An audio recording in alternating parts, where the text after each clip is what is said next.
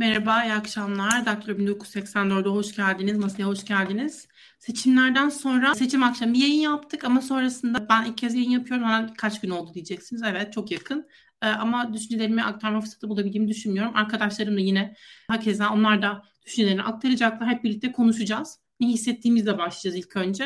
Ee, çünkü bu önemli bir ayrım olduğunu düşünüyorum. Gençleri etkilediğiyle daha üst yaş grubundaki insanları aynı etkilemiyor. Politik olarak aktif olan insanlarla politik olarak aktif olmayanları aynı etkilemiyor. Birçok açıdan farklılık gösterdiğini düşünüyorum. Önce bir hislerimizle, duygularımızla başlayalım istiyorum. Belki izleyen herkes de, e, izleyen insanlar da belki, herkes demeyelim ama aynı hisleri yaşıyor olabilir. Benzer e, umutsuzluklar ya da umutlara sahip olabilir. O yüzden oradan başlayalım istiyorum. Sema, senle başlayalım mı? Sen başlamak ister misin? Olur. Merhaba herkese.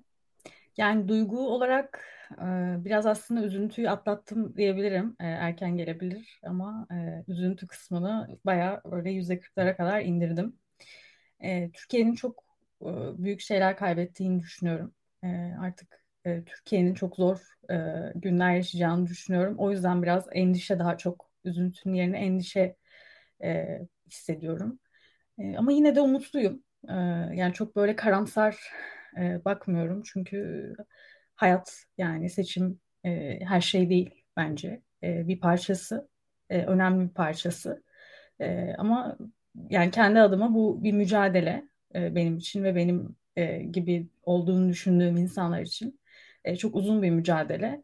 E, yani herhalde çok da kazanılacak duygusuna girmediğim için de belki e, üzüntüyü biraz kolay atlatabilmiş olabilirim.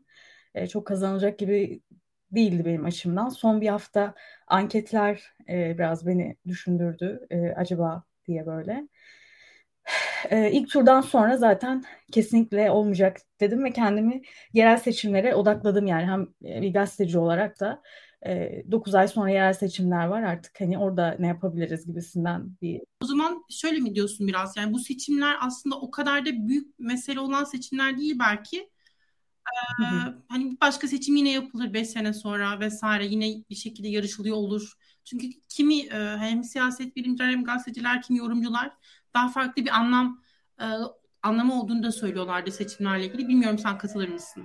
Yani evet e, başında söyledim zaten Türkiye'nin çok büyük bir şey kaybettiğini ve çok acayip bir yere doğru gideceğini e, düşünüyorum, hissediyorum ama e, az olmadığımızın ee, yani en azından kendimi de buna dahil ediyorum. Bütün e, bu süreçte de zaten gazeteciliğimi bir kenara bırakarak hiç objektif olmadan e, muhalif e, bir gazeteci oldum ve böyle olmasının e, doğru olacağını düşündüğüm için böyle oldum ve az olmadığımızı düşünüyorum. Bu mücadeleyi de e, hep birlikte e, göğüsleyeceğiz. Bence her şey daha bitmedi. Yani o kadar karamsar bakmamaya çalışıyorum.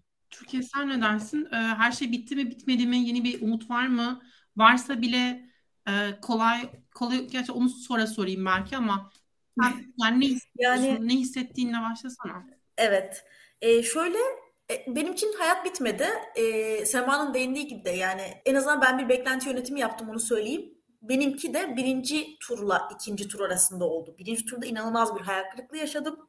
E, üç gün gerçekten yataktan tweet falan takip ettim. Ama şöyle bir durum var. Birçok kötü şey yani haksızlık, hukuksuzluk, güvenlik tehlikemiz e, belki 5 sene daha ötelenmiş oldu. Tabii bu değişebilir. Erken seçim olabilir, o olabilir, bu olabilir onu öngöremiyorum ama e, genel itibariyle birazcık daha hayatımızın iyileşmesi, hayat kalitemizin artması imkanı vardı. Ki kazandıktan sonra da bazı şeyler çok zor olacaktı eminim. Ama e, mesela hemen Ali Macit'e değinelim. Takipçilerimizden e, Gürhan Bey de hani bahsetmiş. Ayrıca yorumlar için ayrıca teşekkür ederim ona. E, yani mesela Ali Macit, e, çoğumuz tanıyoruz sanırım Ali Macit'i burada ya da hepimiz. Yani hepimizin arkadaşı. Çağırdık aslında. Yani bunu söylemek istemiyordum. Yine de aşırı da ama onunla da olmayan bir sebepten katılamadı. Bununla vesaire ilişkiyle onların biraz daha farklı bir politikası var. Ama biz gerçekten çağırdık. 5 dakika en azından konuşabiliyor olmak istedik. Yani biz de bir hani platform olarak bir ses verebiliyor olmak istedik ama olmadı. Ama yani mesele o da değil. Yani gelsin gelmesin. İyi ki sen de bahsettin. Yorumlarda da vardı. Çok çok sinir bozucu ve korkunç bir şey. Ama bilmiyorum hani gücümüz neye yeter, ne kadar yeter. hep birlikte birbirimize destek olmaya devam edeceğiz. Hani düşüncelerimiz ne kadar farklılaşırsa farklılaşsın. Hiç kimseden kelle falan da istemeyeceğiz yani. Bunu çok önemli buluyorum. Dün Bilgehan Hoca da bahsetti yayında. E, bir arada kalmak zorundayız. Yani e, birbirimizden başka kimsemiz yok çünkü. Ben yine böldüm. Benim burada söylemek istediğim aslında vurgulamak istediğim şey tam şuydu. Yani Ali Macit'e bu olmayacaktı kazansaydık. Onu net bir şekilde söyleyebilirim. Yani bu kadar cesaret edemeyeceklerdi. Yani e, ya da belki ilk e, giriş giriş e, bu tarz bir şiddet girişiminde, saldırı girişiminde e, ikincisi olmayacaktı. Onu söyleyebilirim. Ya da bugün İBB imar müdürü e, beyefendinin adı Ramazan'dı galiba. Evet Ramazan Bey mesela şehir plancısı.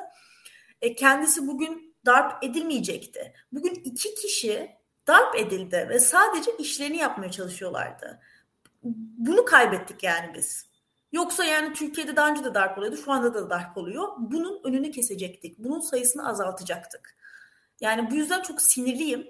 E, hayal kırıklığından vesaire geçtim. Zaten açıkçası daha e, detaylı değiniriz ama gerçekten yetişkinlerden e, çok bir beklentim yok. Çünkü e, seçim günü de asıl görevli olan işte e, CHP'nin veya diğer partilerin, diğer partide çok göremedim ama e, görevlilerinin e, vurdum duymazlığı onları etkilediği kadar beni etkilemiş ve arkadaşlarımı etkilemiş olamaz. Çok rahattılar. Endişeliydiler ama benim kadar endişeli değildiler. Benim duygularım bu şekilde. Yani gençler ve yaşları aynı etkilememesi bence çok önemli bir nokta. Sen de çok kısaca bahsettin. Burada şey de vardı yani biz şunu da biliyoruz mesela. E, sandık görevlisi dediğimiz bir müessese var hukuken. Bir de müşahit dediğimiz e, şey var. Bunlar ikisi birbirinden farklı şeyler. Ve sandık görevlisi olabilmeniz için o teşkilatların e, yani Cumhuriyet Halk Partisi mesela Cumhuriyet Halk Partisi'nden ya da İyi Parti'den örnek verelim. Bu partilerin üyesi olamıyorsunuz ama bu partilerin teşkilatlarından insanlar sizinle bir şekilde yani onların tanıdığı insanlar sizle bağlantıya geçip sizi sandık görevlisi olarak görevlendirebiliyorlar. Sandık görevlisi olarak görevlendirildiğinizde de siz bir para alıyorsunuz. Hani diyeceksiniz ki yani hani bunun para şeyini mi yapıyorsun yani 800 lira gibi bir para. Ama emin olun bunun da bir ekonomisi, bunun da bir politiği var yani. Bunu söylemek istiyorum. Bu bir ikincisi burada müşahitlerin de büyük çoğunluğu işte internetten senin benim onun gibi insanlar e, Türkiye gönülleri olsun. Biraz daha Büyükşehir Belediyesi'nin inisiyatifi olsa gerek İstanbul Büyükşehir Belediyesi'nin öncülük ettiği bir platformu.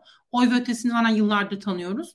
Bunların aracılığıyla partilerin müşahitleri ol, olmak suretiyle gittikleri yerlerde sandıklara sahip çıkmaya kalktılar. Ee, ve inanılmaz böyle mesela yine bir arkadaş yazmıştı Twitter'dan hepimiz okuduk teşkilatlar, muhalefetin teşkilatları, tek bir Cumhuriyet Halk Partisi için söylemiyorum, bir sürü muhalefet partisi var. Bu teşkilatların hani yeterli hazırlığı yapmadığı ve mesela işte AKP deli gibi çalışırken elbette devlet imkanlarını da kullanarak yemeğini, içeceğini, şusunu, busunu çünkü saatlerce bekleniyor ve sandıklaşından ayrılma şansı gidip başka bir yerde yiyecek içecek alma şansı yok. Sana pazar günü. Bu, bu küçük şeyler bile moral olarak, motivasyon olarak ve geleceği, ortak geleceği kurma bağlamında, sorumluluk üstlenme bağlamında da farklılaşmayı da aslında ortaya koyan önemli doneler diye bunu da söylemek istiyorum. Yani siz gerçekten 60 yaşında, tamam hani 60 yaşında bir insan belki hani kimseye daha kötü yapsın falan gibi bir yerden de söylemiyorum ama yani böyle de bir eşitsizlik olduğunu not etmek lazım. Hani çok küçük bir noktası başka noktalarında Çağın söyler belki. Çağın hani hem çevrende gözlemlediğin kadarıyla da belki söyleyebilirsin bize. Aynı tepkiyi, aynı karamsarlığı bence büyük jenerasyonlar e, o kadar hissediyor değiller. Sen de aynı hisse misin ve bireysel olarak ne hissediyorsun? Ee, ya şimdi ilk turda e, bir meme bir slogan vardı gençler arasında. Aslında Türkiye e, bunun biraz e, atıf yaptı bu sloganı. Hayat bitti e, şeklinde bir slogan. Meme aslında bir taraftan. Yani bu baktığımız zaman e, korkunç bir realite aslında. Yani gençler bakımından bir seçimin neticesi e, hayat bitti sloganıyla bir noktada aslında işaret ediliyorsa ortada çok ciddi yapısal bir sorun var demektir. Hani e, bu demokratik e, aslında e, kurumsallaşması bakımından ülkenin. Çünkü bir seçim en nihayetinde ve e, yürütme organını seçiyoruz, yasam organını seçiyoruz. Hani bunun hiçbir neticesi aslında hayatın bitimine veya bitmemesine bir şekilde e, entegre olmaması gerekiyor. Özellikle gençler tarafından ideal e, senaryodan bahsediyorum tabii ki. Fakat durum Türkiye'de böyle değil. E, gerçekten de tüm kampanya sürecinin, tüm belki seçim sürecinin hani sıfırlara, birlere, siyahlara, beyazlara indirgendiği bir süreç ve e, isabetsiz mi? Birçok noktada hayır isabetli. Çünkü baktığımız zaman e, en azından e, Türkiye'yi bekleyen iki e, yol ayrımından bir tanesinin daha demokratik bir Türkiye, bir tanesinin daha az demokratik, daha otoriter bir Türkiye olduğu gerçeğiyle aslında seçime gittik. En nihayetinde de çıkan sonucun daha az demokratik e, yola tabii ki e, muhalif bir e, seçmen olarak bunu söylüyorum. Bizi götürdüğünü anladığımız zaman gençler bakımından ortaya atılan bu hayat bitti mimi çok da aslında anlaşılmaz olmuyor. Ama tabii bu yalnızca e, Türkiye'nin yapısına, Türkiye'nin demokratik durumuna ilişkin bir sorun değil bana kalırsa ve hani tüm bu süreçle aslında benim duygularımı bir noktada açıklayabilecek belki değerlendirme burada şunu yapabiliriz. Hani meselenin bu noktaya gelmesinde bana kalırsa muhalif e, siyasetin, muhalif organizasyonların çok büyük payı var.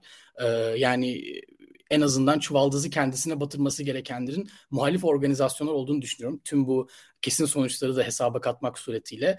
Baktığımız zaman işte müşahitlikten bahsettik, Türkiye gönüllerinden, oy ötesinden bahsettik. Ee, ben bir sivil toplumcuyum, bir sivil toplum kuruluşunda çalışıyorum profesyonel olarak ve hani e, şunu rahatlıkla söyleyebilirim ki seçim güvenliği, sandık güvenliği, müşahitlik, seçim gözlemciliği, sandık e, kurul üyeliği bunlar e, sivil toplumun, yalnızca sivil toplumun münhasırlığına bırakılmayacak kadar çok önemli kurumlar ve özellikle karşımızdaki bu derece hayati bir seçimken yani hayat bitti sloganının e, bir noktada bizi e, bize çağrıştırdığı bir seçimken burada çok ciddi bir aslında e, öz eleştiri vermesi gereken bir muhalefet var bence karşımızda. Oy ve ötesi olsun, Türkiye gönülleri olsun bunlar çok değerli platformlar fakat sivil toplum platformları karşımızda hazineden milyarlarca yardım alan e, muhalif siyasi partiler var. Elbette e, iktidarın işte tüm bu aslında rekabetçi otoriter işte rejimin e, yarattığı e, bu iktidara yarayan belki oynama sahasından, playing field'dan bağımsız konuşamayız ama ortada bir realite var. Ortada bir başarısızlık var. Ortada bir organizasyonel sıkıntı var. İşte çağrılar yapılıyor, her sandığa 5 müşahit deniyor e, vesaire vesaire fakat tüm bunlar belli ki yetersizdi. Ee, tabii ki tüm seçim sonuçlarını müşahitlerin yetersizliğini, müşahitlerin durumuna indirgeyemeyiz. Fakat en azından hani bu yayında da bence konuşacağız. Hani e, muhalefetin öz eleştiri vermesi gereken bir süreçti ve bu şekilde en azından bana yansıttıkları e, seçim sonucunun bu. Ama tabii ki hani dönüp baktığımızda tabii ki hayat bitmedi. Hani pazartesi işimize geri döndük, hayatımıza geri döndük. Hala dönmeye devam edeceğiz. Ama tabii ki e, daha zor olacak. En azından demokratik mücadele, Türkiye'nin daha demokratik olması, kurumların daha kuvvetli olması, e, güçler ayrılığının, işte hukukun üstünlüğünün daha iyi tesis edebilmesi için e, en azından birkaç adım geriye gittik ve daha fazla koşmamız, daha hızlı koşmamız gereken bir süreç bizi bekliyor. Bu tabii ki hayatın bittiği anlamına gelmiyor tabii. Bir yandan izleyici yorumlarına bakıyorum. Bir, bir, bir tane arkadaş bulmuş bizi nereden gelmiş? Burak Bey gelmiş, Burak Aktürk. Diyor ki ya adamlar PKK ile ittifak kurdular. Kimse vatandan bahsetmesin bence. Bir de ne diyordu? Sırf eleştirmek için bir proje köy desek sıfırsınız. Hiçbir argümanınız yok, laf konuşuyorsunuz demiş. Burak Bey teşekkürler bizi izlediğiniz için. Şimdi e, de gelirsek asıl konumuza. Bir bir bir muhasebe yapıldı, bir e, formülasyon geliştirildi. E, muhalefet partileri bir araya geldiler. Biliyoruz işte bir senedir bir altılı masa e, toplantısı vardı. Bunun dışında diğer muhalefet partileri var. Hani bu ittifakın parçası olmayan işte Zafer Partisi, Memleket Partisi, Muharrem İnce'nin başını çektiği. E, yine HDP bu ittifakın parçası değil de Türkiye Partisi e, yine ittifakın parçası olmayan hani güçlü diyebileceğimiz muhalefet partileriydi. E, nihayetinde bu muhalefet partileri bir e, formül geliştirdiler doğru olduklarına inandıkları da anlaşamadılar diyelim. Nihayetinde böyle bir e, formasyonla e, şeye gidildi. Ama biliyorduk ki yani ben de kendi adıma şunu söyleyebilirim ki bu seçimler çok ciddi seçimlerdi. Benim için e, çok ciddi bir e, problemli e, olabilecek bir geleceğe doğru e, götürebilecek seçimlerdi. Ve nitekim de şu an hem meclis çoğunluğunun hem Cumhurbaşkanlığının e, bu anlaşılmaz yapıda olması, kaç partili olduğu belli olmayan, kaç insanlı, kaç bilmem neli falan e, bu yapıda olmasını çok korkutucu ve de yani çok korkutucu ve kötü buluyorum tabii ki, olumsuz buluyorum. Ve bunun geleceğimizi çok ciddi şekilde etkileyeceğini düşünüyorum. Ya o yüzden çok önemli seçimlerdi bana sorarsanız. E, ve nihayetinde bu e, formülasyonuna gidildi. Şimdi bir de e, yani tamam onlar inandılar, güvendiler birbirlerine ya da bilmiyorum artık nasıl yaptılarsa. Çok koca koca insanlar yani sorumlu tutabileceğimize inanıyorum onları bu yaptıklarından dolayı. Nihayetinde bu sonuçlarla karşı karşıyayız. Şimdi kim suçlu? Faturayı kime keseceğiz? E, kime ne kadar fatura keseceğiz? Kime ne kadar az fatura e, keseceğiz? Bunu da aslında şu an dördümüzde birer seçmen olarak, Türk vatandaşı olarak ki ben bunun çok doğal hakkımız olduğunu düşünüyorum. E, nasıl yapacağız? Kim kime ne fatura kesiyor? Sema sen başlamak ister misin? Ve sonrasında yani bu faturaları keselim sonra da geleceği konuşalım diğer turda olur mu? Yani senin de söylediğin gibi e, siyasetçiler bu işte e, karar vericiler, bu formülasyonu geliştirenler e, bence hesap vermeliler yani ve bana kalırsa belki sert olabilir ama e, çok ciddi bir tasfiye olması gerektiğini düşünüyorum muhalefette. E, yani burada benim en son suçlayacağım e, biz biz derken de toplumu kastediyorum. E, ondan sonrasında AK Partililer. E, yani ama burada tek bir sorumlu var. O da bu işin e, böyle olacağını e, ya da böyle bir ihtimal olacağını, kaybetme ihtimalinin de olabileceğini düşünüp bununla ilgili önlem almayan, buna kafa yormayan, kendini yormayan ve şimdi işin kötü tarafı da şu, e, yani bu insanlar, e, siyasetçiler daha doğrusu, e, yani bu kadar kötü yönetmelerine rağmen hala mesela bir şeyleri onlara sorarak e, ilerlememizi istiyorlar. Hala o karar e, alma güçlerini ellerinden bırakmak istemiyorlar. Bu ayrı bir başlık bence ama bu sürece kadar e, yani şu, bu iki seçim arası ve ikinci seçimin sonucuna kadar yaşanan yaşananlardan bu seçimin e, neden kaybedildiğine dair e, bundan sorumlu olanlar hesap kesinlikle vermeli. Yani zaten siyaset böyle bir şeydir yani siyasetçiysen zarı atarsın. Yani kendince bir e, öngörün vardır. Toplumla oyun oynayabileceğini düşünürsün. Onunla top çevirebileceğini, onu dönüştürebileceğini düşünürsün. Denersin. E, başarılı olursan kazanırsın. Başarısız olursan kaybedersin. Bu kadar. Hani bunun burada böyle onları bir kutsiyet ya da işte bir daha denesin falan işte yok çok iyi bir insan böyle bir şey yok. Yani bu siyaset yani. Yapamadın mı bitti gitti. Hani bunu burada çok böyle duygusal bir şey kurmak bana çok saçma geliyor. Mesela İmamoğlu e, 6 Mayıs konuşması işte yani İBB seçimlerinin ikinci turda kazanılması eğer kaybedilseydi bugün İmamoğlu diye birini konuşmayacaktık yani. Kazanıldığı için bugün İmamoğlu ve hikayesi olan biri diye konuşuyoruz. 6 Mayıs'taki konuşmasına hep referans veriyoruz ne kadar güzel diye. Bunu yapmasaydı konuşmayacaktık bugün onu. Yani Muharrem İnce'yi düşünebiliriz mesela. Muharrem İnce kaybetmiş bir adam aslında. Sadece yenilgisini e, hazmedemeyen, e, bununla yüzleşemeyen ve sürekli çırpınan bir adam. Aslında kaybetmiş bir adam. Kılıçdaroğlu da bugün e, tıpkı Muharrem İnce gibi kaybetti ve bitti artık. Yani bunun bir e, burada bir böyle bir direnmenin anlamı yok. Burada toplumla kavga etmenin anlamı yok diye düşünüyorum. Bilmiyorum diğer arkadaşlar ne düşünür? Ben de e, yine yorumlara e, bakıyordum. Bir yorum vardı. E, onu hemen cevaplamak istiyorum. Müşahitlik yapıp yapmadığımızla ilgili hemen ona cevap vereyim. E, Türkiye yaptı. E, Sema Gazeteci Cumhuriyet Halk Partisi İstanbul İl Merkezi'ndeydi. E, Çağını Cumhuriyet Halk Partisi Genel Merkezi'nde Ankara'daydı. Benim hatırladığım kadarıyla umarım yanılmıyorumdur hiçbirinizle ilgili. Ben de şöyle bir şey yaptım. Teşekkürler bu soru için gerçekten bu fırsatı verdiğiniz için. E, ilk seçim yani tur bitti. ikinci günü sanırım salı günüydü. Hemen e, şeye ulaştım. Cumhuriyet Halk Partisi'nin e, Köln Teşkilatı ne ulaştım. Dedim ki ben e, avukatım. Yani Antalya Barosu'na kayıtlı avukatım. E, ve muhtemelen belki sizin ihtiyacınız olur hani bir avukata. E, beni değerlendirin dedim. E, bana bir gün cevap vermedi. Sonra ertesi gün cevap verdi. Sonra e, cevap verdi. Ben TC kimlik numaramı istedi. Ben de ona verdim. Sonra seçim yani cumartesi başlayacak dört gün ol, olsa gerek yanlış hatırlamıyorsam. Cumartesi, pazar, pazartesi, salı gibi bir e, günlük periyot vardı. E, bir telefon geldi. E, isterseniz hani var ama gözlemci olarak yazalım sizde falan diye. E, ben ona olarak yani gözlemci olarak da gitmekte problem görmüyordum aslında ama artık e, hafta sonumu ve zamanımı planlamıştım ve işle ilgili bir sorumluluğum vardı. Pazartesi günü Brüksel'e gidecektim zaten. Bu yüzden yapamadım ama hani teşkilatların nasıl çalıştığıyla ilgili de bence güzel bir fırsat oldu. Önce kimlik numaramı sordu vesaire. Hani yazacaktı göğe, hayarlayacaktı falan. Sonra son gün son saniye herkes var aslında bizim şeyimiz var ama isterseniz siz de gelin falan diye böyle e, bir e, organizasyon. Ha ihtiyaçları yoksa ne ala ne güzel. Ama hani ya da yoğundur mesela ona da cevap verememiştir. Ama hani şey olsun diye ben söylüyorum. Yani mesela baroları barolardan yardım almak, işte ne bileyim Türkiye Barolar Birliği bir yanıyla zaten artık e, o garip e, iktidara eklemlenmiş yapısından kurtuldu. E, yani baro başkanının herhangi bir parti ilişkisi olmasına gerek yok zaten. O hukuki güvenliğin sağlanması için bir rolü var ve bu rolü üstlenebilecek şeye sahip. Milyon e, işte kaç tane baro var? 80 tane baro olması lazım Türkiye'de. Bu iki numaralı falan onları saymıyorum. 80 tane falan baro olması lazım. Bunların hepsinden yine yardım alınabilirdi Anadolu şehirlerinde diye düşünüyorum. Ne kadar yardım alındığı ile ilgili soru işareti bırakıyorum. Yardım istenseydi yardım verilebilir miydi? Onları hep soru işareti bırakıyorum. E, ama sonra böyle bazı muğlaklıkların üzerine e, hani yatıp e, ya işte seçim güvenliği bak şöyle sağlanmadı da bak o yüzden de şöyle oldu falan demek. Özellikle muhalefet partilerinde böyle bir eğilim var. Hani bu bunaklığı bırakıp bunun üzerinden bir e, alan çizme şeyi. Bu çok yanlış ve e, doğru değil yani bayağı yanlış bir şey diye bunda not düşeyim. Şimdi asıl tekrar e, şeye dönelim.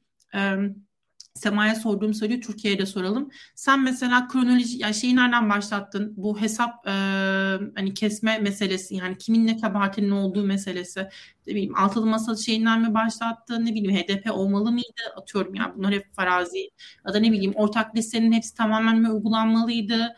Orada işte politik e, mobilizasyonu engeller miydi partiler adına? Bu daha da mı kötü yapardı falan. Bütün bunların bir muhasebesini yapmak istesen nereler doğru neler yanlıştı? Kimleri sorumlu tutuyorsun? Ben sanırım iki sene öncesinden başlardım. İki sene öncesi yaz. Ee, orman yangınlarının ve işte sel felaketinin olduğu vakitten başlardım. E, çünkü hatırlıyorum o zamandan beri ya hadi neden örgütte hiçbir şey yapmıyor? Hani kurumsal hiçbir tepki yok. Sayfalarına bakıyorum, milletvekillerinin sayfalarına giriyorum vesaire hiçbir tepki yok. Ki hani Boğaziçi protestolarında da aynı şekilde yani daha da böyle geriye gidersek e, belki o benim hani e, bireysel farkındalığımın iyice hani siyasi bireysel farkındalığımın iyice oluşmaya e, başladığı vakitlere denk geliyor. E, dolayısıyla hani en gerisi bu olayları hatırlıyorum. Yani o zamandan beri bir tepkisizlik, bir e, riskleri, iktidarın yanlışlarını fırsata çevirememe hali ve teşkilatlarda bir ölülük.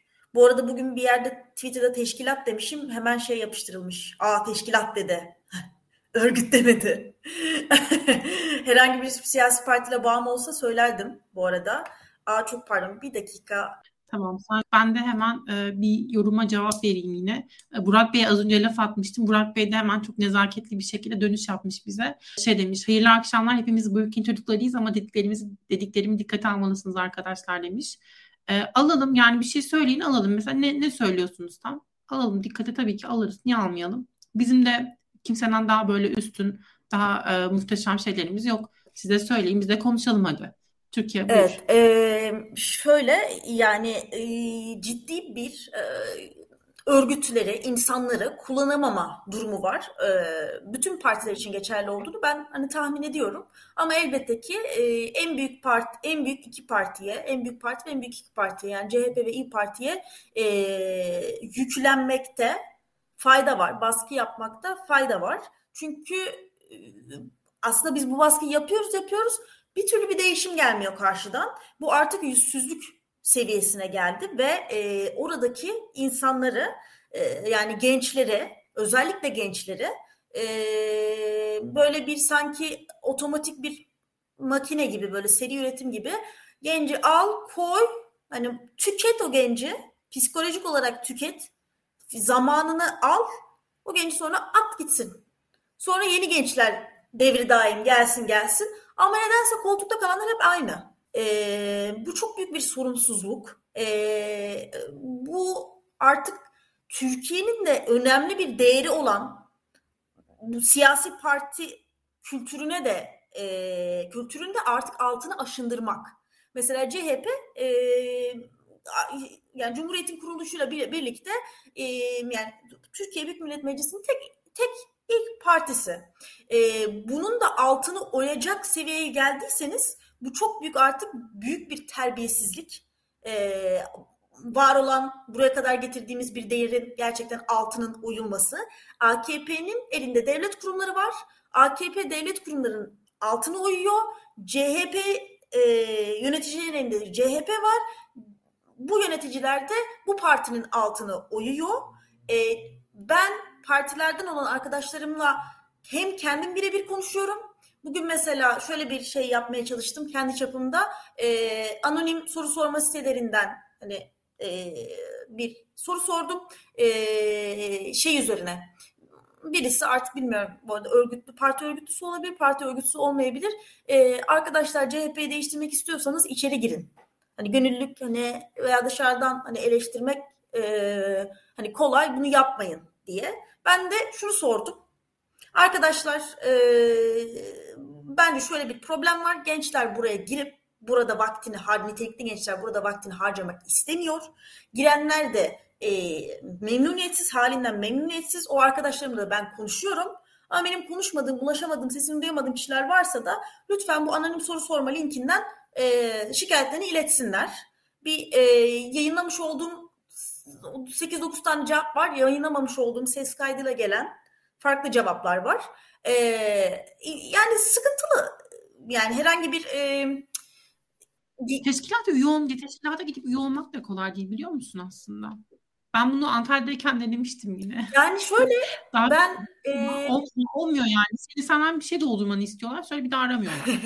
ya ben direkt iletişime geçtiğim için belki farklı olmuş olabilir. Hem CHP hem İyi Parti'den hani görüşme talebim üzerine birisi e, ve ve bir tanesi de e, benimle görüşme talebi e, üzerine aslında e, iki farklı teklif aldım.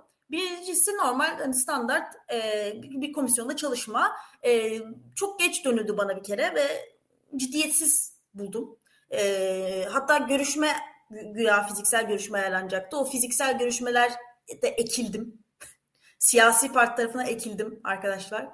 Ee, bir diğerinde işte e, bir şeyler teklif edildi ama orada da e, içeri kısa bir süre görme fırsatım oldu yani benim zamanımın kaybettirildiğini hissettim. Dolayısıyla ben de insanların derdinin, teşkilatlardaki insanların derdinin ne olduğunu anlamaya çalışıyorum, gayret ediyorum. Ve az buçuk aslında anladım. Ee, şunu da söyleyeyim. Mesela Babala TV'de işte Kılıçdaroğlu'nun işte Kağıthane, ay değil çok pardon.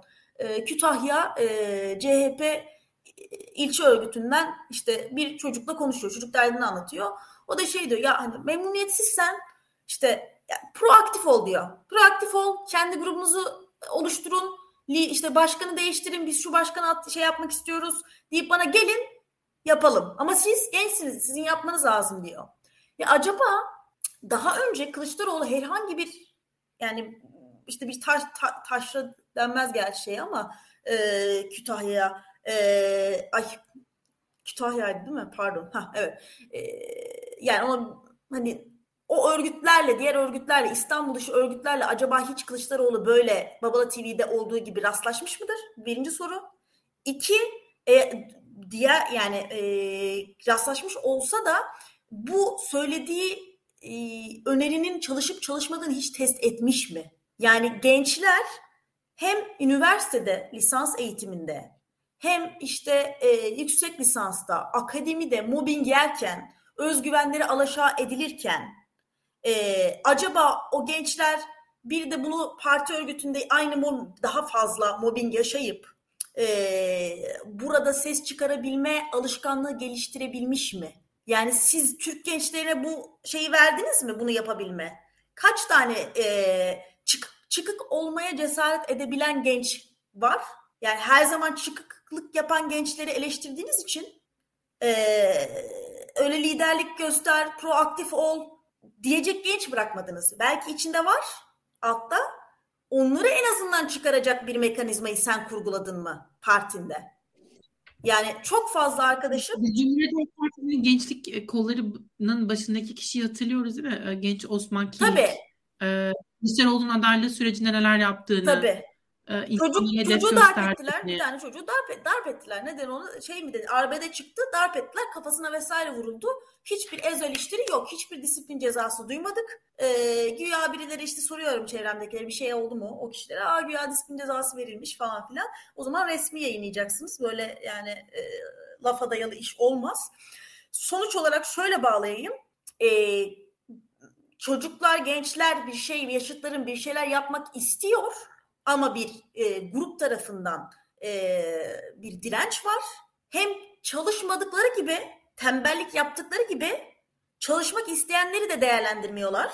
Harcıyorlar, harcıyorlar insanları. Sonra da diyorlar ki gelin bu partiyi içeriden değiştirin. Yani insanlar size e, hayatlarını vakfetmek, harcamak durumunda değil arkadaş e, arkadaşlar. E, sürekli böyle çağırıyorsunuz, çağırıyorsunuz da insanları. Ne yapıyorsunuz o insanlarla? E, bayrak astırmak bir böyle sanki onurlu bir geçilmesi gereken bir şeymiş gibi. Yani e, Gora'da da vardı ya böyle şeye referans. Hani böyle işte duvar boyuyor vesaire. Yani hani böyle bir onurlu bir şey mi? E, merdiven basamaklarını tırmanmak, en alttan tırmanmak zorunda mı gençler? Yani bizim ülkemizdeki gençler. Başka türlü bu işin yolu yok mu? Yani ve sonuçta bir sürü bir dizi hatalar yapılıyor. Tepkisizlikten doğa tepkisizlik, alışkanlık, tembellik tamamen böyle yorumluyorum. Bu bütün seçim sürecine ee, bu siyasi elitlerin rahatlığı sebebiyle e, herhangi bir aksiyona geçilmiyor ve totalde biz buraya geliyoruz. Ee, yani çok duyuyorum. Seçim günü dahil çırpınan gençleri çok duyuyorum içeride. Ee, madem bu kadar insanları yoracaksınız ya bu insanları komple atın partiden ya partiden gidin bu insanlar iş yapsın. Yani yetti bence artık. Diyeyim ve artık bırakayım. Çağına gelelim. Yine konuşacağız zaten. Çağın, senin e, faturan e, kime kesildi diye sorayım. Yani burada şeyden de bahsedebiliriz. Hani partileri birebir hani e, kimin hangi sorumluluğu yüklemek daha adilane olur, adil olur, e, daha doğru olur. E, kim ne hata yaptı, kim neyi doğru yaptı, kim neyi e, daha farklı yapabilirdi. Sen hangi notları aldın sürecin başından beri? Ee, ya önce çok kısa Türkiye'nin aslında bıraktığı yerden birkaç şey söylemek istiyorum ben de bu hem e, siyasi partilerin iç yapısı hem de gençlik kolları işte gençlik siyaseti vesaire üzerine. Şimdi e, Türkiye'de siyasi partiler e, kanunları sıkıntılı. Yani siyasi partinin iç yapısı da son derece sıkıntılı. E, hani olabilecek en antidemokratik aslında e, şekillerde ilerliyor ve hani aslında bunun tabii ki önüne açması gereken şey Türkiye'nin demokratik kurumları, siyasi partiler kanunu e, ve CHP aslında çoğu e, şey tarafından, çoğu işte siyaset bilimi, çoğu analist tarafından iyi bir örnek olarak gösteriyor. Ama tabii standartınız Türkiye olunca hani iyi olmak e, sizi ne kadar iyiye taşıyor o bir soru. İşte hani bunu e, Avrupa'dan dünyadan örneklere bakıyoruz. Hani siyasi partilerin gençlik kollarının ayrı bir işte tüzel kişiliği olur, ayrı entitesi olur, ayrı kendi içerisinde insan yetiştirir. Bir alt üst ilişkisi olmaz. Belki çoğu yerde belki denkliğe varabilecek yani kendi içerisinde aslında insan yetiştirip e, siyasete dahil edebilecek e, bir pozisyonda olur. Yani aslında sorun bu buradaki. Yani sistemsel bir sorun var. E, CHP tabii ki bu sistemsel sorunun kendince ekmeğini yiyor. Çünkü e, alan mutlu, veren, veren mutlu. Yani o gençlere en azından e, o yaşların tırnak içerisinde istediği şekilde davrandıkları zaman ilerleme şansı veriliyorsa neden olmasın? Herkes sonuçta e, bu denklemde mutlu diye düşünüyorum. Sadece biz hani böyle dışarıdan bakanlar, gerçekten demokratik kaygılarla işe yaklaşanlar e, bence bu konuda e, kaygı duyuyoruz.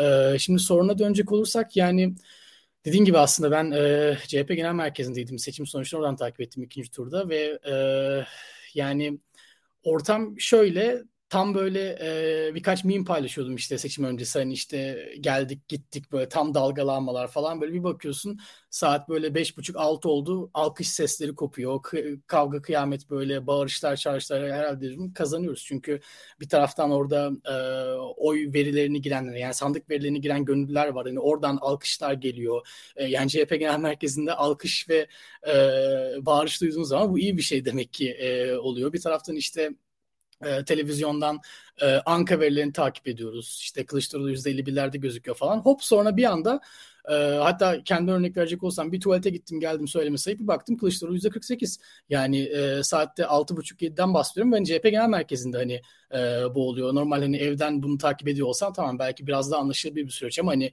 bu derece işin yakınındayken dahi bu kadar e, bu inişleri çıkışları hissetmek ve hani e, aslında aslında inişi hissetmek biraz tabii insanların duygularıyla oynamak gibi bir şey oluyor. Kontrolsüz Çünkü... değil mi Çağın? Kelime tam sanki anlattığın şey kontrolsüzlük. Öyle gibi geliyor bana. Ya tabii Tabii ki kontrolsüzlük. Şimdi baktığın zaman yani e, elbette hani orada işte gazeteciler, e, siyasetçiler takip ediyor e, süreci. Hani tabii ki belki bir parti bürokratının çıkıp işte anlık açıklama yapmasını beklemek çok mu lüks olur bilmiyorum artık. Türkiye standartlarında en azından. Ama tabii ki öyle bir şey yok e, hani medyadan takip etme şansımız oluyor ve hani e, en azından bu e, narratifi kontrol etmek dediğimiz şeyin olmadığını görüyoruz. E bu da tabii hali hazırda e, bizi e, ne varsa aslında onu tüketmek şeklinde e, bir sonucu e, aslında yöneltiyor.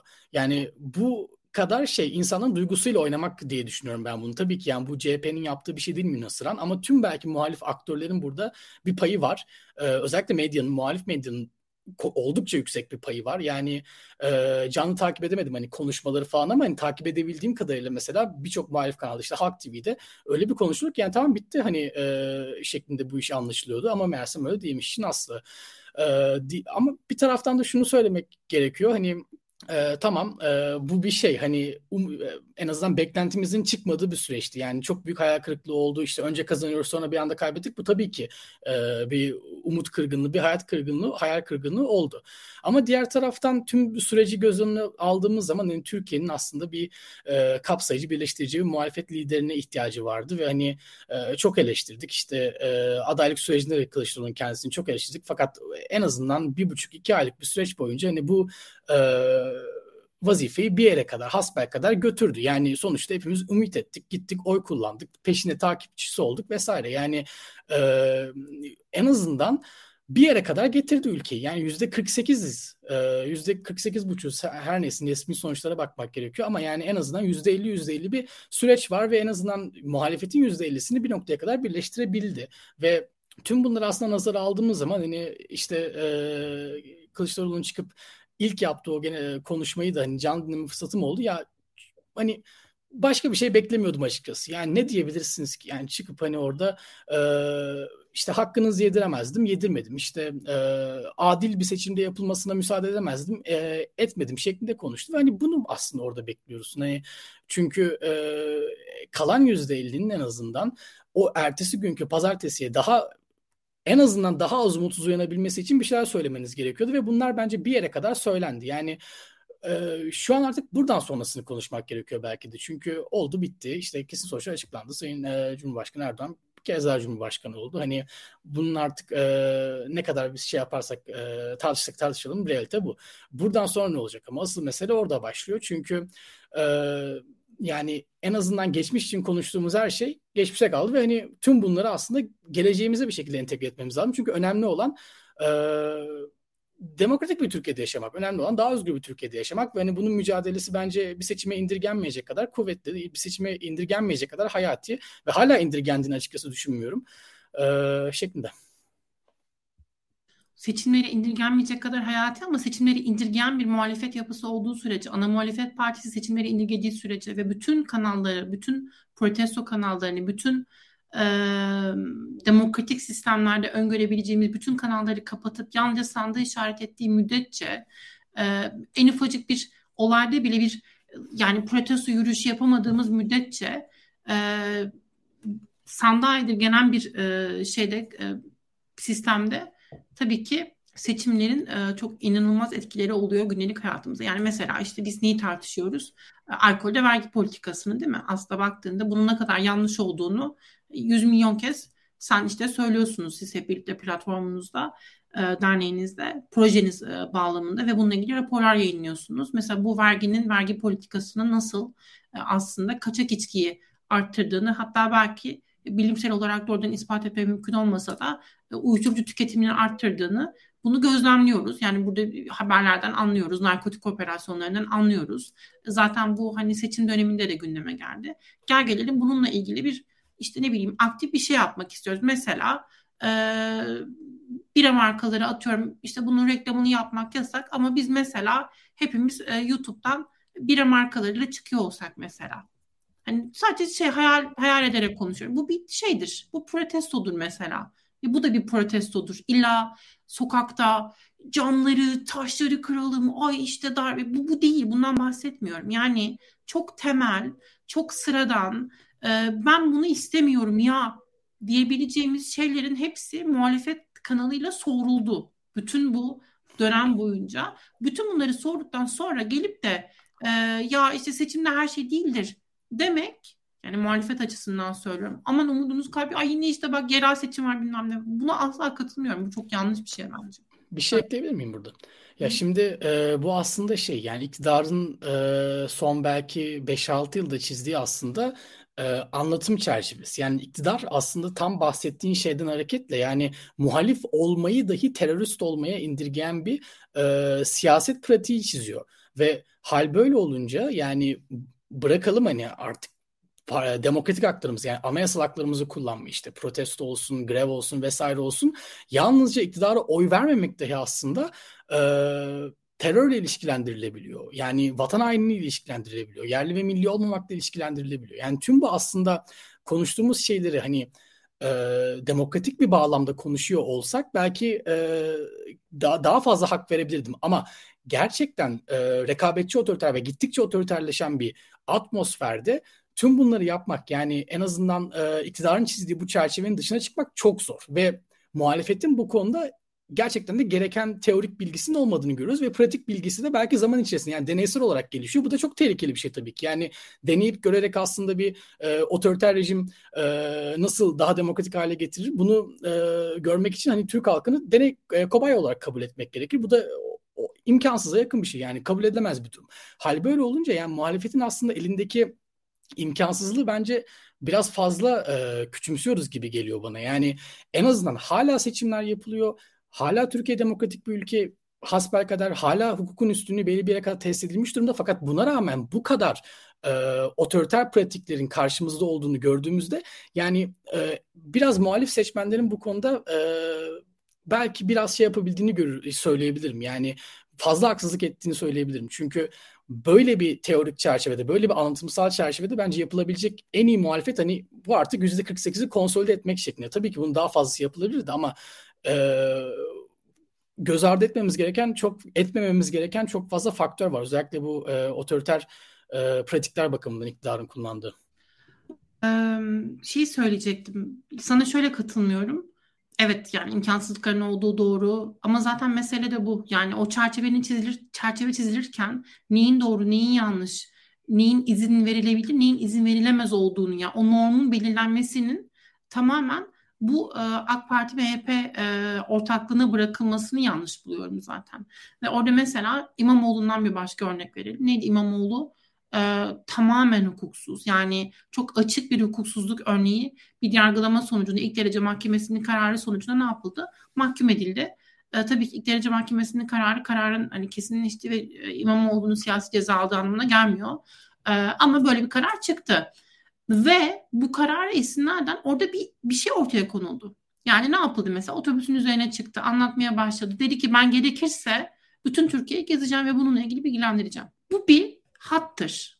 Sen yani bunu izin vermeyerek, bu hattı geçmesine izin vermeyerek, bunu gündemden düşürmeyerek ve bu konu çözülmeden hiçbir başka şey yapmayarak sınırı çizebilirsin bana sorarsan. Bence öyle olmalı. Yani siyasette bence yapılması gereken şey bu sınırları belli. Mesela Kılıçdaroğlu'nun adalet yürüyüşü neden önemli diye aslında e, söylüyoruz. Bir milletvekilinin cezaevinden çıkarılmadığını hatırlıyoruz biz o dönem değil mi? Enes, Enes Berberoğlu e, milletvekili seçilmiş olmasına rağmen tutukluluk haline son verilmedi.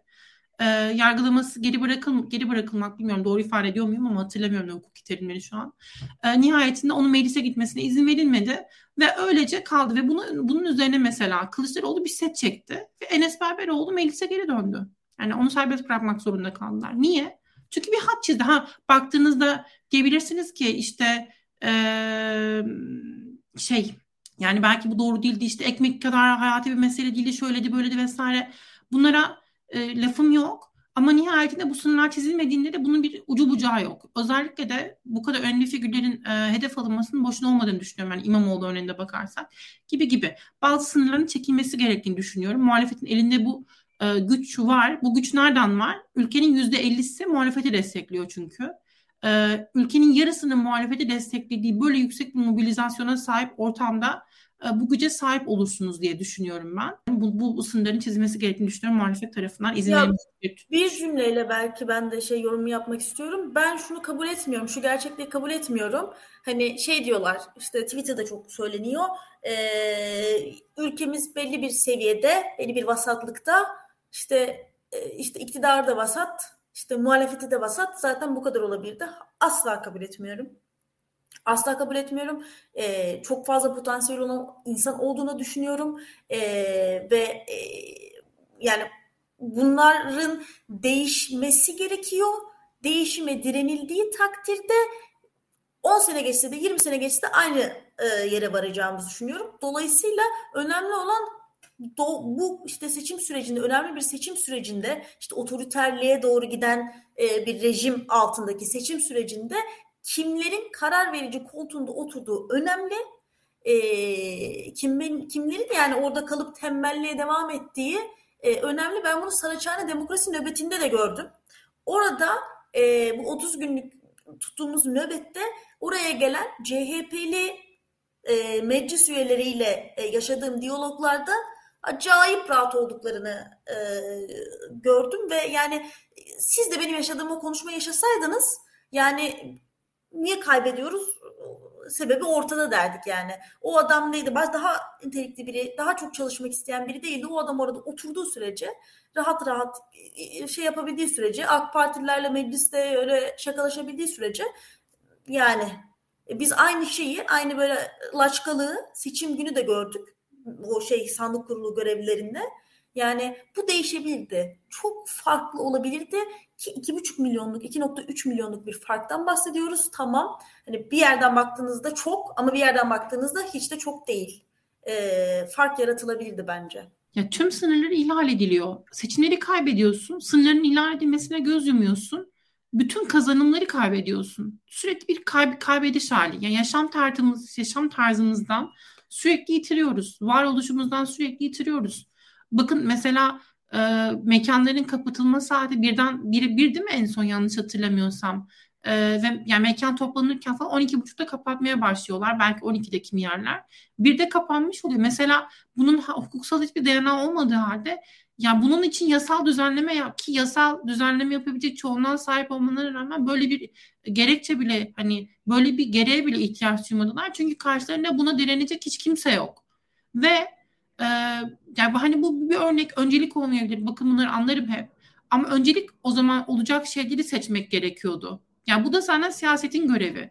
E, Tayyip Erdoğan'ın adaylığına da itiraz edilmedi. Ben çok net hatırlıyorum. Muharrem Erkek, şey. e, e, işte Barış e, Pehlivanoğlu ve e, Barış Pehlivanoğlu'ydu galiba. Barış Pehlivanoğlu programa çıktı ve hani Barış Bey sürekli presledi Muharrem Erkeği. Yani o işte ama kahramanlık yaratır vesaire. Sonunda ağzından şey çıktı ama yani Muharrem Erkeği. E tabii ki hukuki süreçleri arayacağız arkada vesaire. Ya tamam da sen siyasetçisin.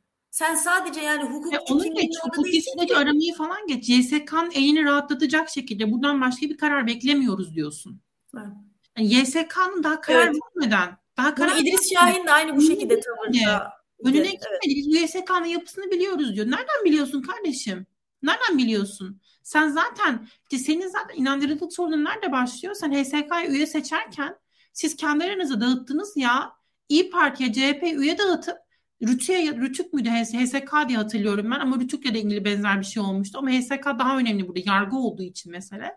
Sen HSK'ya kendi partine üye atacağım diye siz üye paylaştınız ya. Hani sen sonra sen nasıl şey diyebiliyorsun ki mesela yargı siyasallaşmasın. Hani sana kim inanır? Kim inanır sana? Kim seni ciddiye alır? Kimsenin e, diğerinden farklı olduğunu, gerçekten ortaya bir irade koyabildiğini düşünür. Mesela hepinizin söz hakkını çok yemek istemiyorum. Sema şimdi sen dönerken aslında bu son, son kısım yapabiliriz artık. Burada fikirlerimizi toparlayalım. Bu bahsettiğim şeylerden bağlayalım. E, o da şu aslında yola kimle devam edeceğiz, kimle yürüyeceğiz? Yani İmamoğlu gibi e, daha genç, e, belki bilmiyorum hani kusurları vardır, senin beğenmediğin yönleri vardır. Onları da söyle mesela. E, ne, ne, tür, ne tür problemleri vardır İmamoğlu'nun liderlik ettiği bir yeni döneme girmenin mesela. Bunları da lütfen hani açıkla. Ya da bilmiyorum Kılıçdaroğlu ya da başka bir aktör görüyorsan hani arkasında belki arkasında diye ifade etmeyeyim ama belki bütün örgütlenmeyi ve kampanyayı yürütebilecek kim olmalı, nasıl devam etmeli? Kılıçdaroğlu istifa etmeli mi mesela? Ne diyorsun? Ee, ya şöyle ben Kılıçdaroğlu'nun e, çok değerli bir şey yaptığını, başardığını düşünüyorum ama yeterli bir şey olmadığını düşünüyorum bunun. Ve benim için e, işin en üzücü tarafı e, inşa ettiği o şey e, o başarısız olduğu için o şey de başarısız olarak kabul ediliyor artık. Demek ki ha bu değilmiş. Demek ki bizim birleşmememiz gerekiyormuş. Demek ki herkesin safının ayrı olması gerekiyormuş. Demek ki CHP'nin ulusal Atatürkçü bir çizgiden çıkmaması gerekiyormuş. Şa gelindi bu tartışılıyor şu anda. E, bu da seçimi kaybettiği için oldu.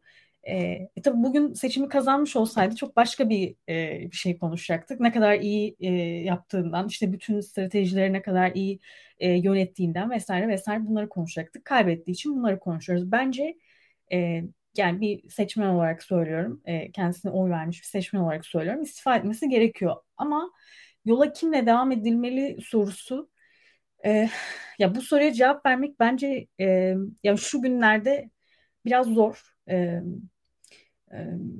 Yani seçim kaybedildi. Evet Türkiye çok e, yani baş, başta da söyledim çok zor bir sürece girdi, çok şey kaybetti. E, ama muhalefet de aslında e, çok büyük bir değişim e, yaşayacak belli. Ayak sesleri geliyor ve e, içerideki yani özellikle CHP ve İyi Parti'nin e, içerideki o e, iç çatışma ve hani tabiri caizse fillerin e, tepişmesinin ben geçmesini beklerim. Kendi adıma söyleyeyim. E, kimle yola yürü, kimle bu yolu yürüyeceğiz sorusuna cevap vermek için. Çünkü çok ciddi bir manipülasyon var şu anda. Hem muhalif e, gazetecilerin ortak olduğu, e, muhalif medyanın ortak olduğu, e, yani bir takım bizim de tanıdığımız insanların e, bir, yani ben bir operasyon süreci olduğunu düşünüyorum. Bunda böyle bir e, yani bir plan var falan gibi ya da Levent Gültekin gibi mekanizma gibi bir yerden söylemiyorum ama e, belli yani şimdi bir, şeyler olacak ondan sonrasında karar ver, vermek gerektiğini düşünüyorum. İmamoğlu ile ilgili ben açıkçası baştan beri İmamoğlu'nun aday olması gerektiğini düşünüyordum. Bunu da İmamoğlu'nu çok sevdiğim için falan değil yani ya da çok ne bileyim yakışıklı bulduğum için falan değil. Anketlerde yüksek çıkıyordu. Ee, şimdi bu anketlerin de yanıldığını gördüğümüz için şimdi şunu soruyorum. Demek ki e, belki de İmamoğlu da kazanamayacaktı ama kazanmaya daha çok yanaşacaktı, yaklaşabilecekti. E, veya bambaşka bir senaryo olacaktı. Şimdi o, onun üzerine olmamış bir şeyin üzerine konuşmak çok zor ama sonuç itibariyle anketlerde daha yüksek bir oy oranı aldığını görüyoruz. Bu birincisi. İkincisi İmamoğlu ben e, çok fazla takip ettim. E, Kılıçdaroğlu'nu da çok fazla takip ettim ve ikisinin e, halkla olan özellikle muhafazakar seçmenle kadınla olan e, diyaloğu, mesafesi e, çok farklı. Yani Kılıçdaroğlu tabii yapı olarak da biraz daha farklı. Ben birebir de e, görüştüm. Daha hani soğuk bir insan, daha ciddi bir insan tabii. E, İmamoğlu biraz daha hani sıcakkanlı ve bu e, sirayet ediyor topluma. Yani eh, hani e, şu şöyle bir şey yaşamıştım mesela seçim sürecinde e, seçim m, mitinglerden bir tanesinde e, yani Kılıçdaroğlu yanımda geçti, yanımdan geçti. Arkamda da kadınlar var. E, hiç kimseden ses yok falan ve ben de aslında çok sonradan gördüm geçtiğini önümden. Ama mesela İmamoğlu geçince herkes bağırış çağırış falan filan ve orada e, kadınlar yani işte başkanım falan filan. E, orada şu şunu düşündüm. E, İmamoğlu yani hani o sevinç ve o e, teveccüh bence çok değerli bir şey. Bunun kullanılması gerekiyor yani. Ama şu şunu düşündüm. Yani İmamoğlu'nun yerinde olsam e, çok kendimi zor durumda hissederdim. Çünkü genel başkanım ve cumhurbaşkanı adayın e, senin yanından yürüyor. O dikkat çekmiyor. Sen dikkat çekiyorsun. Bunun ağırlığı e, herhalde yani bunun ya da ne diyeyim kafada oluşturduğu e, bunalım çok zor olmuş olmalı. Benim için e, seçimden önce en doğru aday İmamoğlu'ydu. E, şu an için bir şey diyemiyorum. Dediğim gibi çok e, yani gerçekten muhalefet de kendi içerisinde çok e, ciddi bir değişim e, sürecinin sancılarını yaşıyor ve e, her yerden herkesin operasyon çektiği bir süreçteyiz. Yani ben şöyle söyleyeyim kendi adıma e, seçim süreci, seçim öncesi ve seçimin kendisi her iki seçimde e, yani gazetecilik açısından bana çok fazla şey kattı ve çok ilginç e, bulduğum bir sürü şey yaşadım ama şu süreç yani seçimin bittiği günden bugüne kadar ki olan süreç bambaşka bir şey. Yani her gün farklı kulis haberler, CHP'den haberler. Ben şu an yani hiçbir haberi, hiçbir kulis haberini ciddiye almıyorum ve güvenilir bulmuyorum. Ee, yani bunu da söyleyeyim. Ee, çok da uzatmayayım. Yok estağfurullah. Şimdi konuştuğumuz e, noktada aslında yani Kılıçdaroğlu İmamoğlu meselesini tartışıyoruz biraz. İki, iki önemli figür e, muhalefet için, Türkiye muhalefet için. Cumhuriyet Halk Partisi en önemli e, parti nihayetinde en büyük, e, en fazla oyu alan parti e, ve onun tabii ki liderinin kim olduğu e, Türkiye siyasetini çok şekillendirebilecek bir mesele. Özellikle de muhalefetin e, oyun planını, kurgu planını e, şekillendirebilecek bir mesele. Ha tamam hatırladım ne söyleyeceğimi. Senin bu bahsettiğin hani ilgi çekip çekmeme meselesi aklıma şey getirdi. Hani bunu da, da kadınlar çok daha iyi bilir aslında. Ve bir partnerin var, birliktesin. Ee, ama partnerinden daha çok iyi görüyorsun. Partnerin e, de hani bir tık böyle aşağılık kompleksi bir adamsa ki onlardan çok var e, hemen şey yaparsın böyle hani kendini geri çekmeye falan çalışırsın. Kimi zaman arkadaşınla kurduğun ilişkide ne bileyim aman onun egosu zedelenmesin aman morali bozulmasın diye.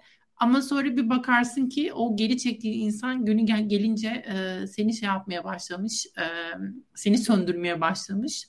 Çünkü insanoğlu aslında. E, insanoğlu da tabii cinsiyetçi bir ifade eder. Yani insan diyelim, insan sonuçta yani böyle bir şeyimiz var e, hepimizin aşağı yukarı. Hele, hele siyasetçiden inanılmaz e, egoları var.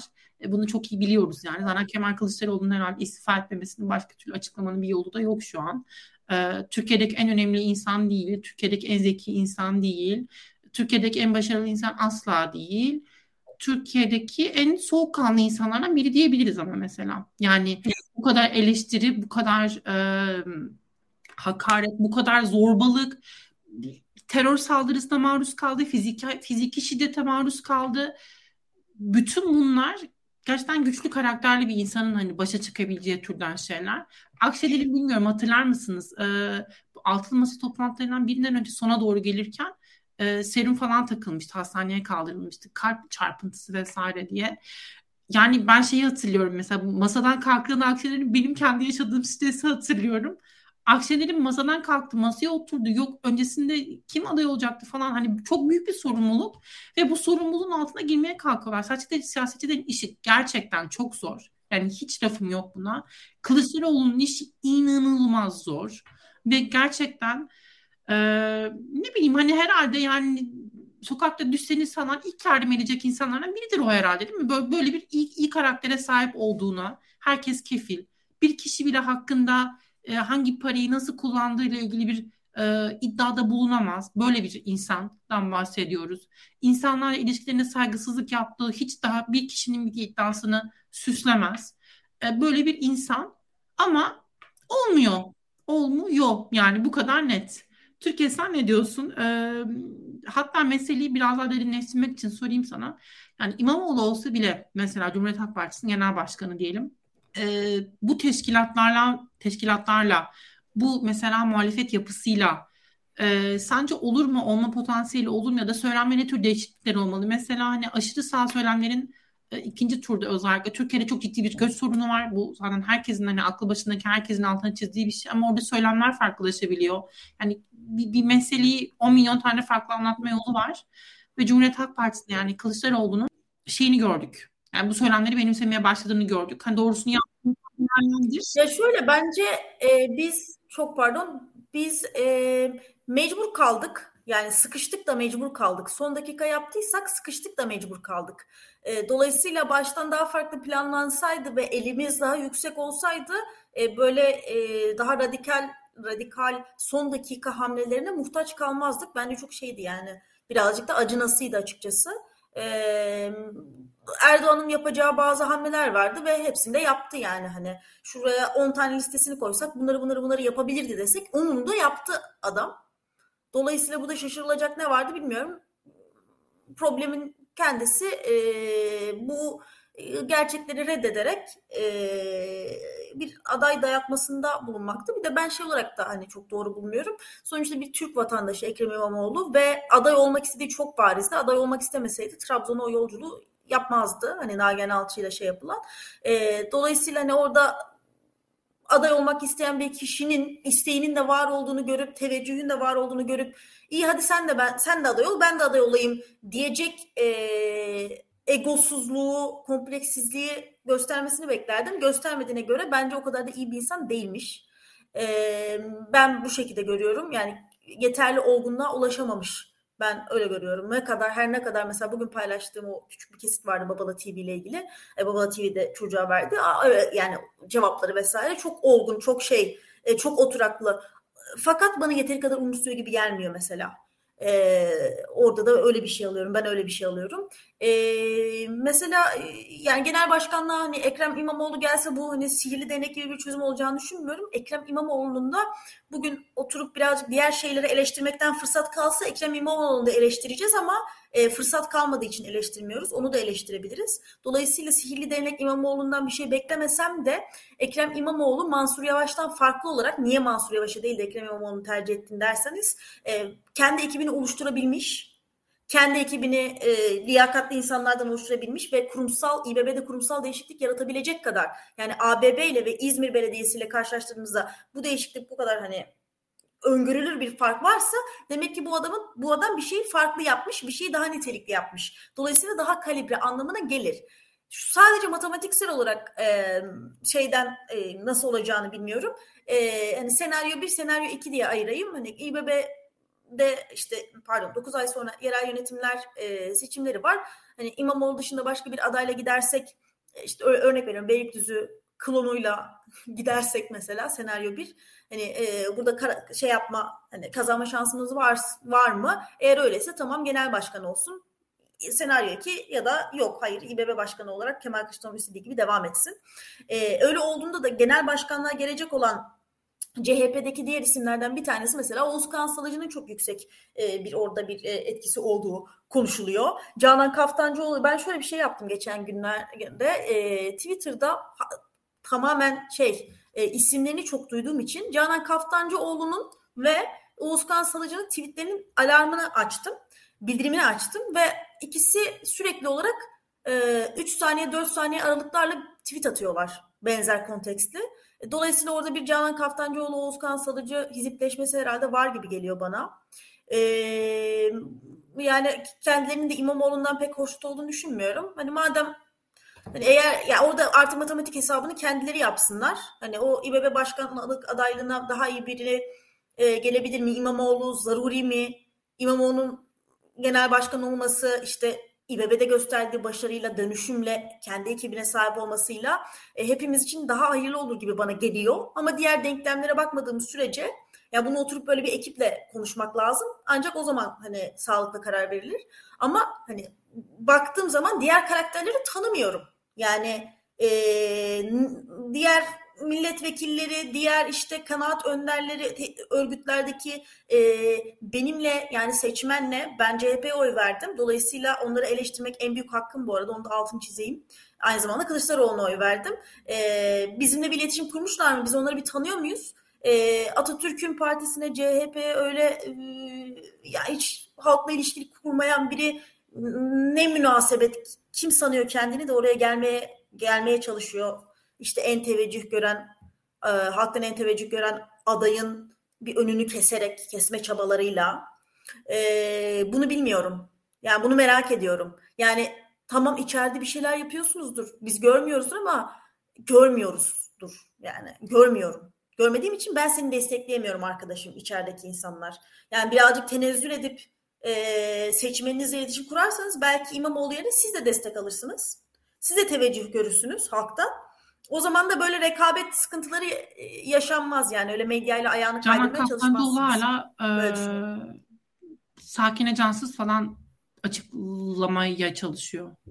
Yani bilmiyorum evet. hani tamam güzel ben ben ben de insan haklarından yanayım.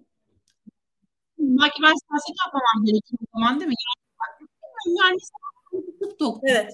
Evet evet. Yersiz ve şeyi okuyamayan dinamiği okuyamayan bir şekilde. Tabii canım yani anlıyoruz biz anlıyoruz ben anlıyorum da yani orada yeri mi orada yani son iki gün kalmış biz işte Zafer Partisi ile şey ittifak yapmaya çalışıyoruz falan filan. Yani e, senin bu dilin biz ne yaptığını çok iyi anlıyoruz. Biz de senin gibiyiz belki. Ama e, senin bu dilin, bu iletişim kurma biçimin vesaire e, bir revize edecek misiniz kendinizi acaba? Yani şey anlamda insan haklarına e, ki o hani şey taviz vermemeden bahsediyorum yanlış anlaşılmasın. Hayır ya ben şu an ben onun gibi değilim kesinlikle. Çünkü şöyle onun gibi değilim. Ee, bilmiyorum ya hayatta hepimiz ne bileyim öncelikleri var, önem verdiği, altını çizdiği şeyler var. Yok yok hayır. Evet. Önem verdiği şeyler var, altını çizdiği şeyler var. Bununla ilgili bu denli böyle bir tweet atabilecek kadar meseleyi önemsediğini evet, anlıyorum ben. Bu güzel yani kendi evet. açısından tutarlı olabilir belki ama o zaman belki bilmiyorum siyasette olmaması daha mı doğru acaba? Hani ben siyasetçilerin şeyini de anlamıyorum. Bir topluma kendini izah etmeden kendilerini azade görmeleri, e, böyle sessiz kalınca her şey unutulacağını düşünmeleri falan. Yani Hilal Kaplan'ın mesela ne sarı yeşil bilmem böyle alt alta yazdığı bir tweet'i var ya paylaşılan. Sarı diyor yeşil diyor bir şey diyor da ne bileyim Fethullah Gülen'le ilgili tweetleri falan. Yani e, Hilal Kaplan'ın mesela parti şeyi yapmıyorlar. Bir tırnak içinde troll olarak devam ediyor yaşamına. Ama parti şey değil mesela. Genel ne bileyim İstanbul İl Başkanı değil Hilal Kaplan mesela.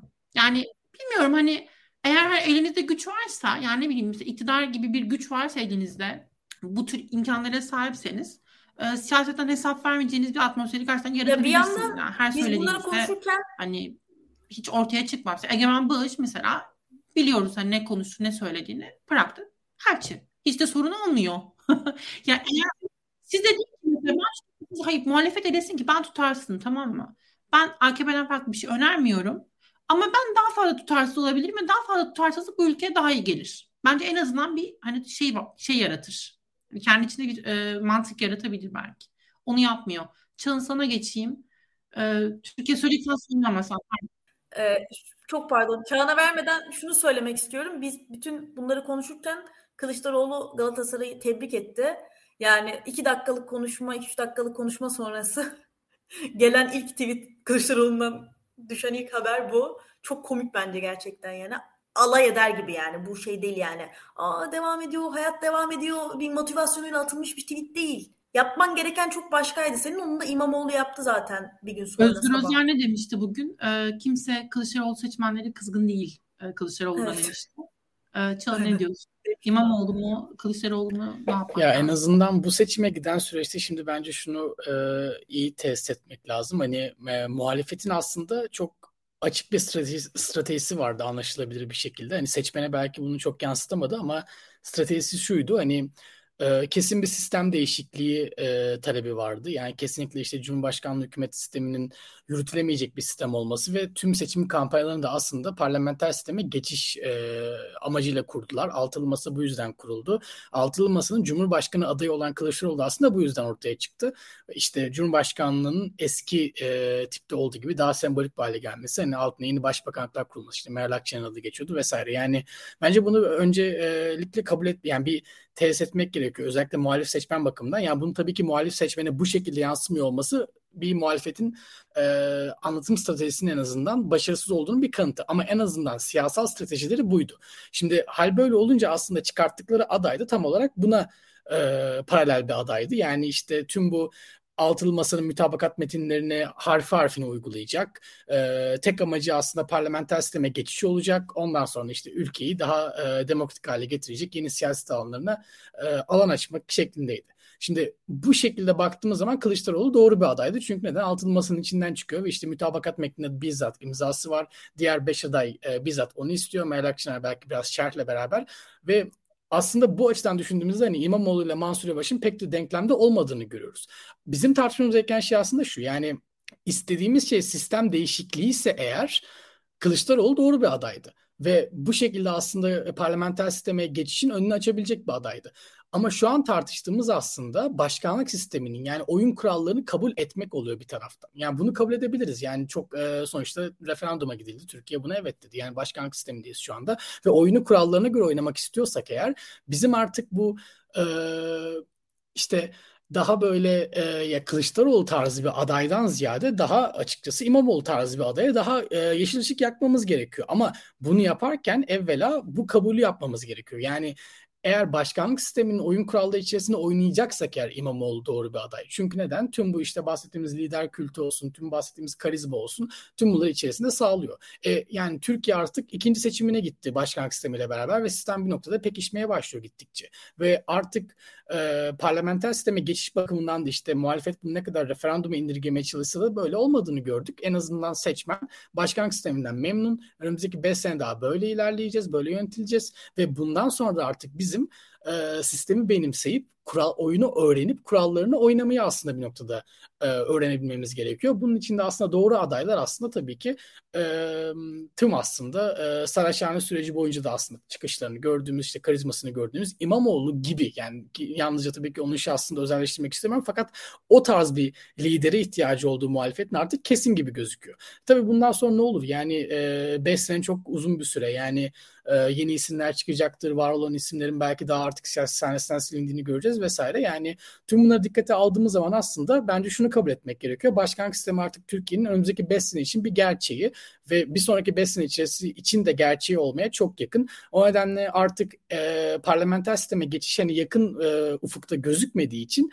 e, oyunu kurallarına göre oynayan kazanıyor. Erdoğan bunu yaptı en azından. Oyunu kurallarına göre oynadı. Çünkü kuralları kendi koydu. Tamam e, oldukça tartışmalı ama doğrusunu yaptığı şey bu. Hani oyunu kurallarına göre oynadığı için zaten aslında biz işte ne bileyim bu montaj videoları tartıştık. İşte bu e, eşit olmayan oyun zeminini tartıştık. İşte rekabetçi otoriterliği tartıştık vesaire. Muhalefet oyunu e, eski kurallara göre oynamaya çalıştı. Eski kurallara göre de kaybetti. Şimdi artık başkanlık sisteminde artık e, bir siyaset üretmek gerekecek. Böyle bir karizma üretmek gerekecek. Bir e, lider üretmek gerekecek. E, biz de zaten önümüzdeki 5 sene boyunca bunları tartışıyor olacağız bence. Çok teşekkürler hepinize. E, toparlamaya çalıştık. Düşüncelerimizi, fikirlerimizi, hislerimizi bir araya getirmeye çalıştık. İzleyen herkese çok teşekkürler. Lütfen yayını beğenmeyi, paylaşmayı unutmayın ki böylelikle yayın kalitemizi artırabiliyor, artırabiliyor olalım. Ee, son olarak bilmiyorum söyleyecek ne var? Ee, çok da bir şey yok. Çünkü duyulmuyor zaten. Böyle kulaklarını kapatmış bir yapıdan bahsediyoruz. Hani tüm herkes kendini çok azade görüyor. Hani şunu da ben anlarım. Gerçekten bizim bilmediğimiz ve kaçırdığımız şeyleri açıklayacak bir lideri dinlemek çok isterim. Mesela Kılıçdaroğlu bir yayın yapsa keşke babalara falan desek yani bilmiyorum kendimi kötü hissediyorum desin mesela ne olacak ki? Yani bu bile bir bence şeydir. Bir liderlik e, meselesi ya da bilmiyorum bir, bir, bir o iletişimi hani yönetme be, becerisi. Bilmiyorum hani ben şey yapabilirdim belki. Daha yumuşak hissedebilirdim belki. Bunu süreç boyunca yapsa çok iyi olurdu aslında. Ee, süreç boyunca ölü taklidi yapması sıkıntıydı. Yani ölü taklidi yapmasa, o rekabetten kaçmasa, çok bariz olan rekabetten kaçmasa bence sıkıntı olmayacaktı. Yoksa çok iyi fikir. Söylediğin şey. Ben de çok e, bu, Üzgünüm demek. açık iletişim taraftarıyım. Evet. Yani artık ne kaldı kaybedecek? De, sana seçimi kaybettik. Meclisi kaybettin. Ee, şeyi kaybettin. Başkanlığı, Cumhurbaşkanlığını kaybettin. Bayağı kaybettin ya. Her şeyi kaybettin. Ee, iletişim de çok kötüydü. Her şey çok kötüydü. Bilmiyorum belki üzgün de değil. Üzgün de değil. Hani bazen biri iletişim kurmak istersin ya. Hani böyle dersin ki yakasını yapışıp ne oldu? Ne, neyin var? Ne oldu? Konuş benimle. İyi misin? yani Bilmiyorum mesela ben anlamıyorum. Mesela Galatasaray tweet diyorsun ya şimdi. Yani ya da mesela şeyi hatırlıyor musunuz? Seçim akşamı çıkıp gülümsemesini. Gülümsedi gerçekten gülümsüyordu. Evet, ben moral bozmamak için mi? Hani evet. ben anlamıyorum Sema. Ya ben siyasetçilerin çok bizim gibi düşünen e, ve hisseden insanlar olduklarını düşünmüyorum. Yani normal insanlar gibi hani böyle işte üzüldüğüm zaman bunu ifade etmeliyim falan gibi bir kafada olduklarını çok düşünmüyorum açıkçası ve şu da var hep mesela Erdoğan için şunu söylüyoruz etrafındakiler ona işte gerçeği söylemiyor falan gibi böyle yorumlar yapılıyor. Bence bu bütün siyasetçiler için böyle ve e, Kılıçdaroğlu için de bu böyle yani şu an onun yanındakiler Allah bilir nasıl anlatıyorlar yani o işte başkanım iyi gidiyor falan filan diyorlardır. Muhtemelen öyle dedikleri için oralardadır onlar da zaten diye düşünüyorum. Özgür Özel gibi çok saygın bir parlamenter hani e, hani nerede nasıl yendiğini bildiğimiz bir ismin mesela Özgür Özel gibi bir ismin bugün mesela bir açıklama yapıp Kılıçdaroğlu seçmenleri Kılıçdaroğlu'na kızgın değil biz bir sürü mektup alıyoruz demesi. Ben mesela Özgür Özel'in hiç, hiç yani hiçbir zaman iyi bir siyasetçi olduğunu düşünmedim. Hala da düşünmüyorum. Yok hani iyi siyasetçi olmayabilir gerçekten haklısın. Hani o çıkışların vesaire bunların kontrolü noktasında bilmiyorum. Sorunları vardı şüphesiz hani ama ne bileyim saygın bir isim olduğunu söyle, söyleyebilirim ben. Ne bileyim doğru dürüst bir insan olduğunu söyleyebilirim kendi takip ettiğim kadarıyla. Ama o bile bu kadar e, gerçeklikten kopuk. İşte bir Tunca Özkan'ın biliyoruz değil mi? Karar TV'de e, %26 gözüküyor Erdoğan dediği bir video. Ve bunu ciddi olarak söylüyor. Bu, bu aptal yerine koymak değil mi hepimize? Yani o zaman gördüğümüz üzere aklı başında hiç kimse inandığını sanmıyorum. Erdoğan'ın anketlerde %26 gizli bir anket yapıldığı ve Erdoğan'a %26 gözüktüğünü söylüyor. Çünkü bence sorumluluk varsa yani bütün bu inisiyatifi yöneten, kurgulayan kişi sorumlu bana sorarsanız. Ee, ya onun sorumluluğunu konuşmadan diğer insanların sorumluluğunu konuşmayı çok anlamlı bulmuyorum. Bu şey gibi e, ne, ne Nebati ne, ne, ne Nebati bir şey Nebati Maliye Bakanı Nurettin Nebati Nuret, Nurettin Nebati'nin mesela düşünsene hani e, hedef tahtasına oturttuğumuzu ama Erdoğan'la konuşmadığımızı falan mesela hani olmaz değil mi? Neyse çok uzattım yine. Ee, çok teşekkürler izleyen herkese tekrar beğenmeyi paylaşmayı unutmayın. Ee, lütfen yorum yapın. Ee, beğenmediyseniz de boş konuştuysak da lütfen söyleyin. Belki öyle yapmışızdır. Belki sizin aynı şeyleri düşünüyorsunuzdur ya da kaçırdığımız şeyler var. Onları lütfen yazın. Ee, görüşmek üzere. Çok teşekkürler arkadaşlar. Herkese iyi akşamlar diliyorum. Görüşürüz tekrar.